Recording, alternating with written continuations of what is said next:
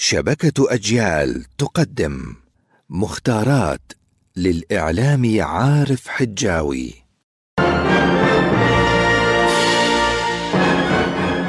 لا بد لنا من العلم ولا بد لهذا العلم من أن يأتينا محمولا على ظهر اللغة العربية.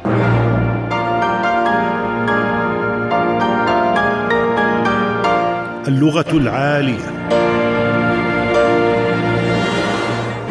الأرومة الأصل الطيب والأرومة ما يبقى من الشجرة في الأرض بعد قطعها. وقيل للمرأة القادرة الواسعة الحيله أرمية. وابتغوا التفاصح فوهموا وقالوا قرمية.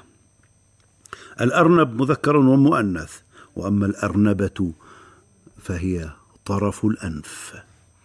أريحية. الأريحية اهتزاز الكريم للمعروف. وفي استعمالنا الحديث نقول تحدث إلي بأريحية أي بتبسط.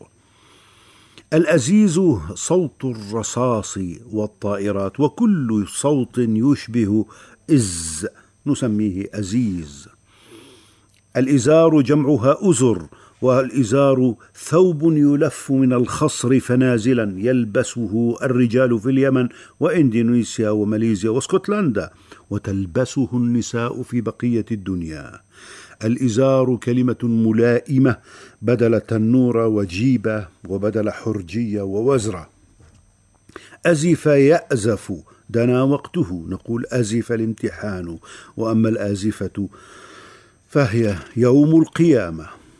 المأزق بكسر الزاي الورطة الأزل اللامتناهي في القدم وعكسها الأبد والسرمدي القديم منذ الأزل والذي لن ينتهي أبدا. أزمة بالسكون وأزمات بالتحريك أي مشكلة صعبة. الآس ورقة من أوراق اللعب تحمل الرقم واحد. أصل الآس عملة رومانية وفصحوها واهمين فقالوا القص. آسى يؤاسي مؤاساة عزى وهون وتسهل الهمزة فنقول واسى يواسي مواساة. أسي كلمة مختلفة. أسي يأسى فهو آس أي حزن وتأسى به اقتدى به. والمأساة المصيبة. وهي أيضا التمثيلية ذات النهاية المحزنة أي التراجيديا. والوضع مأساوي ومأسوي أستاذ الأستاذ في الجامعات لقب علمي فوق الدكتور. تبدأ درجات الأستاذية بالأستاذ المساعد فالأستاذ المشارك ثم الأستاذ وبعدها الأستاذ المبرز ثم أستاذ الكرسي. ودرج الأساتذة على الرمز لأنفسهم بألف دال أي الأستاذ الدكتور. فلا يريدون أن يتركوا الدكتور على أي حال. الأستاذ والأسطى من غصن لغوي واحد وكان توماس إديسون وعباس العقاد وألفريد نوبل من الأسطوات فهم لم يدرسوا في الجامعات ولا في الثانويات. حكمة اليوم. دولة اسم عاصمتها سريجايا واردا نابورا كوتي. لا بد أن تكون دولة عظمى. سريلانكا.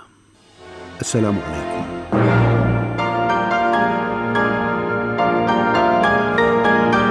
اللغة العالية عارف حجاوي ومهند قعدان.